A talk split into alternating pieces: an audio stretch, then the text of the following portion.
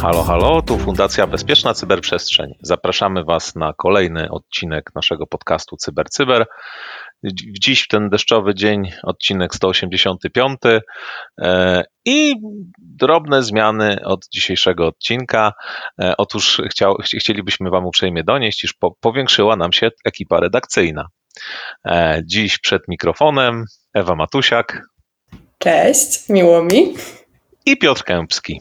Zapraszamy Was jak zwykle na garść newsów z, z obszaru cyberbezpieczeństwa, czyli co ciekawego wydarzyło się w minionych 24 godzinach. A działo się sporo. Kontynuujemy temat poruszony już wczoraj, czyli rosyjskie obiekty wojskowe były widoczne w mapach Google, jak się okazuje, od dawna. ESET publikuje raport dotyczący podatności firmware komponentów przenośnych Lenovo. Nowy ukryty wariant złośliwego oprogramowania Botena Go jest skierowany na urządzenia DVR. CISA dodała trzy aktywnie wykorzystywane podatności do e, katalogu. Marka LinkedIn przoduje wśród najczęściej wykorzystywanych w atakach phishingowych. Microsoft ogłosił wyłączenie protokołu e, SMB w wersji pierwszej w Windows 11. Grupa Lazarus targetuje sektor chemiczny. QNAP wzywa swoich klientów do wyłączenia usługi przekierowania portów na routerach w domu. E, a na koniec zakończymy zaproszeniem na konferencję Confidence 22. E, zaczynamy od sprostowania wczorajszej informacji. Otóż rosyjskie obiekty wojskowe są widoczne w mapach Google, ale jak się okazuje od dawna. Informacja o tym, że jest to coś nowego, pojawiła się we wczorajszym odcinku, ale jest już y, sprostowanie. Ten odcinek był nagrywany, nic nie wskazywało, że ta informacja jest tylko częściowo prawdziwa. Okazuje się, że obrazy dostępne na zdjęciach satelitarnych były dostępne na długo przed wojną, a jak twierdzi rzeczniczka firmy, nie wprowadzono żadnych zmian dotyczących rozmycia na zdjęciach satelitarnych w Rosji. E, dla konfliktu, który się toczy, nie ma to jednak większego znaczenia, gdyż z pewnością strona ukraińska posiada wysokiej jakości zdjęcia satelitarne rosyjskich obiektów wojskowych. Warto też dodać, że trwa wojna informacyjna i trzeba zachować czujność, więc prostujemy. W dniu wczorajszym badacze z firmy ESET opublikowali raport o trzech odkrytych podatnościach w komputerach przenośnych Lenovo. Lista urządzeń, e, które są dotknięte tym problemem, zawiera ponad 100 różnych modeli laptopów konsumenckich. E, jak się domyślamy, użytkowników e, mogą być miliony na całym świecie. Tutaj wśród modeli, które pojawiają się w raporcie, mm, mamy IdeaPad 3, Legion 5 Pro czy Yoga Slim 9. E, dwie podatności e, z tych e, ujawnionych dotyczą sterowników firmware'u UEFI, który pier, które pierwotnie miały być używane jedynie podczas procesu produkcyjnego. Niestety przez pomyłkę producenta zostały one dołączone do obrazów BIOS, które funkcjonują w komputerach przenośnych. Nie zostały one zdezaktywowane w żaden sposób. Mogą zostać wykorzystane i aktywowane przez atakującego w celu bezpośredniego wyłączenia zabezpieczenia funkcji Flash SPI. Są to bity rejestru kontrolnego systemu BIOS oraz rejestru zakresu chronionego. Ewentualnie można e, je wykorzystać do mm, e, wyłączenia funkcji UEFI Secure Boot. Oznacza to e, ni mniej, ni więcej, tylko tyle, że wykorzystanie tych luk e, dałoby możliwość e, atakującemu do wdrożenia i pomyślnego wykonania implantów Flash SPI, takich jak na przykład Lowjax albo malware e-Spectre. Trzecia podatność dotyczy uszkodzenia mm, pamięci SMM wewnątrz funkcji obsługi SWSMI.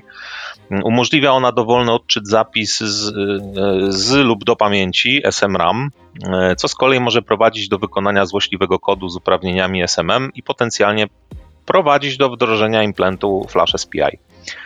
Wszystkie te wymienione luki w zabezpieczeniach zostały zgłoszone firmie Lenovo już w zeszłym roku, 11 października. E, Lenovo potwierdziło te luki 17 listopada 2021 roku i nadało im numery CVE. E, publikacja raportu została poprzedzona wydaniem poradnika bezpieczeństwa przez firmę Lenovo, więc tutaj e, badacze wstrzymali się z publikacją do momentu, gdy firma zaadresuje mm, przynajmniej obejściem ujawnione luki. Po szczegóły techniczne odsyłamy Was do raportu, link do którego publikujemy pod naszym podcastem. え? Nowy ukryty wariant złośliwego oprogramowania Botena Go jest skierowany na urządzenia DVR. Analitycy bezpieczeństwa ostrzegają przed nowym wariantem botne, botnetu Botena Go. Jest to generalnie nowy malware, a jego kod źródłowy wyciekł w 2021 roku. I ten nowo odkryty wariant zdaje się również pochodzić właśnie z tego wyciekłego kodu. Przeanalizowana przez badaczy próbka targetowała urządzenia DWR kamery Lilin. Charakterystyczne jest, że nie jest on wykrywany przez antywirusy. Jest to możliwe dzięki temu, że autorzy usunęli wszystkie exploity, które były zaimplementowane w oryginalnym Botenego. Poza tym opiera się na zewnętrznym narzędziu do masowego skanowania w celu utworzenia adresów IP tych urządzeń które można wykorzystać. Poszczegóły odsyłamy do linka, który jest dostępny pod odcinkiem. I przenosimy się za wielką wodę. Microsoft w osobie e, Neda Pyla, menedżera zespołu e, Windows Server High Availability and Storage, poinformował o rozpoczęciu ostatniej fazy wyłączenia protokołu SMB wersji pierwszej. Jeśli w ramach programu Windows Insider zainstalujecie sobie Windows 11 pochodzący z kanału dedykowanego deweloperom, czyli dev, będzie on defaultowo pozbawiony klienta SMB w wersji pierwszej E, klient ten nie jest usunięty bezpowrotnie. Tutaj e, uspokajamy administratorzy, e, jeżeli w swoich środowiskach korzystają z urządzeń funkcjonujących w oparciu o ten protokół, o tę wersję protokołu, będą mogli go doinstalować. Natomiast w kolejnych wersjach Windowsa i Windows Server E, no, mogą być jakieś problemy z tym związane, dlatego że e, kolejne wersje zostaną pozbawione sterowników i bibliotek DLL związanych z pierwszą wersją protokołu SMB. Jednocześnie Microsoft udostępni oddzielny pakiet instalacyjny dla tych użytkowników, którzy wciąż z tej wersji protokołu korzystają, ale nie będzie on wspierany przez Microsoft. E, tutaj Microsoft walczy mm, tak naprawdę z może walczy to złe słowo, ale zachęca do mm, e, korzystania z nowszych wersji tego protokołu, dlatego że zawierają one więcej funkcjonalności z zakresu bezpieczeństwa i tutaj Microsoft rekomenduje to już od roku 2016. Ponadto e, wiele mm, exploitów i malware'ów jest dedykowanych na protokół SMB wersji pierwszej i tutaj możemy wymienić na przykład Trickbot, Emotet, WannaCry, NotPetya czy Olympic Destroyer. Zachęcamy Was do tego, byście e, aktualizowali swoje systemy i korzystali z naj, najnowszych wersji protokołów e, w swoich środowiskach. E, teraz przenosimy się z kolei do świata mediów społecznościowych i tutaj bardzo ciekawy news o tym, że marka LinkedIn przoduje wśród najczęściej podszywanych w atakach phishingowych. Donosi to firma Checkpoint i to pochodzi z danych z pierwszego kwartału tego roku, e, gdzie właśnie ta marka odnotowała potężny wzrost liczby przypadków nadużywania. E, LinkedIn w poprzednich raportach plasował się mniej więcej na poziomie 8%, teraz odpowiada aż za ponad 52% wszystkich takich incydentów w skali globalnej. E, w przypadku LinkedIna, który jest profesjonalną platformą mediów społecznościowych, celem podmiotów stanowiących zagrożenie jest prawdopodobnie przeprowadzenie ataków spear phishingowych na bardziej interesujące osoby, pracowników konkretnych firm i organizacji. Innym potencjalnym scenariuszem wykorzystania zagrożeń jest wysyłanie do określonych celów zainfekowanych dokumentów, które podszywają się pod oferty pracy, przekonując ich do otwarcia plików i aktywowania złośliwego kodu makro. I tutaj kolejny news. CISA, agencja, której monitoring jakby w dziedzinie komunikatów bardzo rekomendujemy, dodała trzy kolejne podatności, które są aktywnie wykorzystywane w różnego rodzaju atakach. Wśród nich znalazły się podatność na cross-site scripting w Zimbra Collaboration Suite, jest przepełnienie bufora stosu VoIP w WhatsApp i eskalacja uprawnień poprzez usługę Microsoft Windows Print Spooler. Mm, tutaj w tym miejscu e, przypominam, jeśli nie jest to pierwsza podatność związana z tą usługą wydruku. Mm, generalnie wracam do swojej rekomendacji z poprzedniego newsa. Aktualizujcie, aktualizujcie swoje systemy regularnie. E, ta ostatnia podatność e, została załatana przez Microsoft w ramach Mm, lutowego Patch Tuesday. Stąd jak, jak, widać, nie wszyscy łatają swoje systemy, ponieważ podatność ta jest aktywnie wykorzystywana. Kolejny news dotyczy grupy Lazarus, o której już była mowa we wczorajszym odcinku w kontekście targetowania organizacji związanych z kryptowalutami. No i wracamy do tej grupy dzisiaj. Firma Symantec zaobserwowała, że grupa ta prowadzi kampanię szpiegowską wymierzoną w organizacje, które działają w sektorze chemicznym. Wydaje się, że jest to kontynuacja działań znanych jako Operation Dream Job, zaobserwowana pierwszy raz w 2020 roku. Podobieństwa dotyczą haszów plików, nazwy plików i narzędzi, które zaobserwowane w poprzednich kampaniach Dream Job.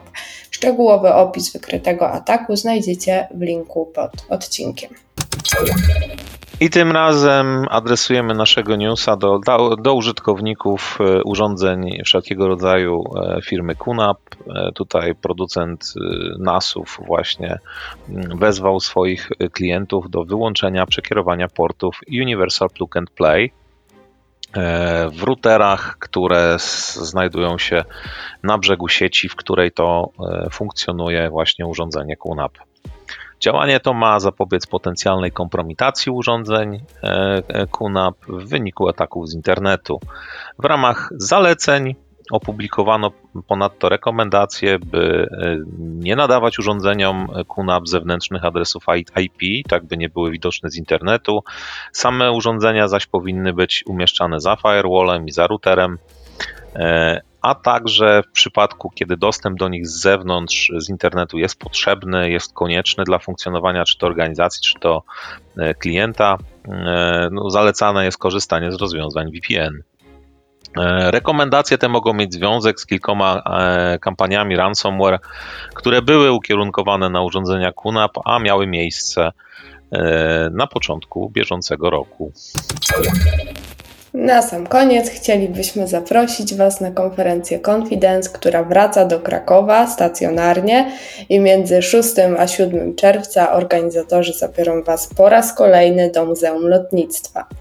E, zapraszamy, jeżeli chcecie wziąć udział w technicznych wykładach omawiających najważniejsze bieżące zagadnienia z zakresu IT security, jeżeli chcecie spotkać się z ekspertami z różnych środowisk i wymienić e, doświadczeniami, to jak najbardziej jest to wydarzenie dla Was, a w naszych mediach społecznościowych znajdziecie kod rabatowy, dzięki któremu zapłacicie 15% mniej za bilety. I to już wszystko na dziś. Żegnamy Was z promiennymi uśmiechami w ten jakże deszczowy dzień. E... Dziękuję bardzo za dzisiaj. Tak jest. Ewa Matusiak i Piotr Kępski. Do usłyszenia już Do jutro. Usłyszenia.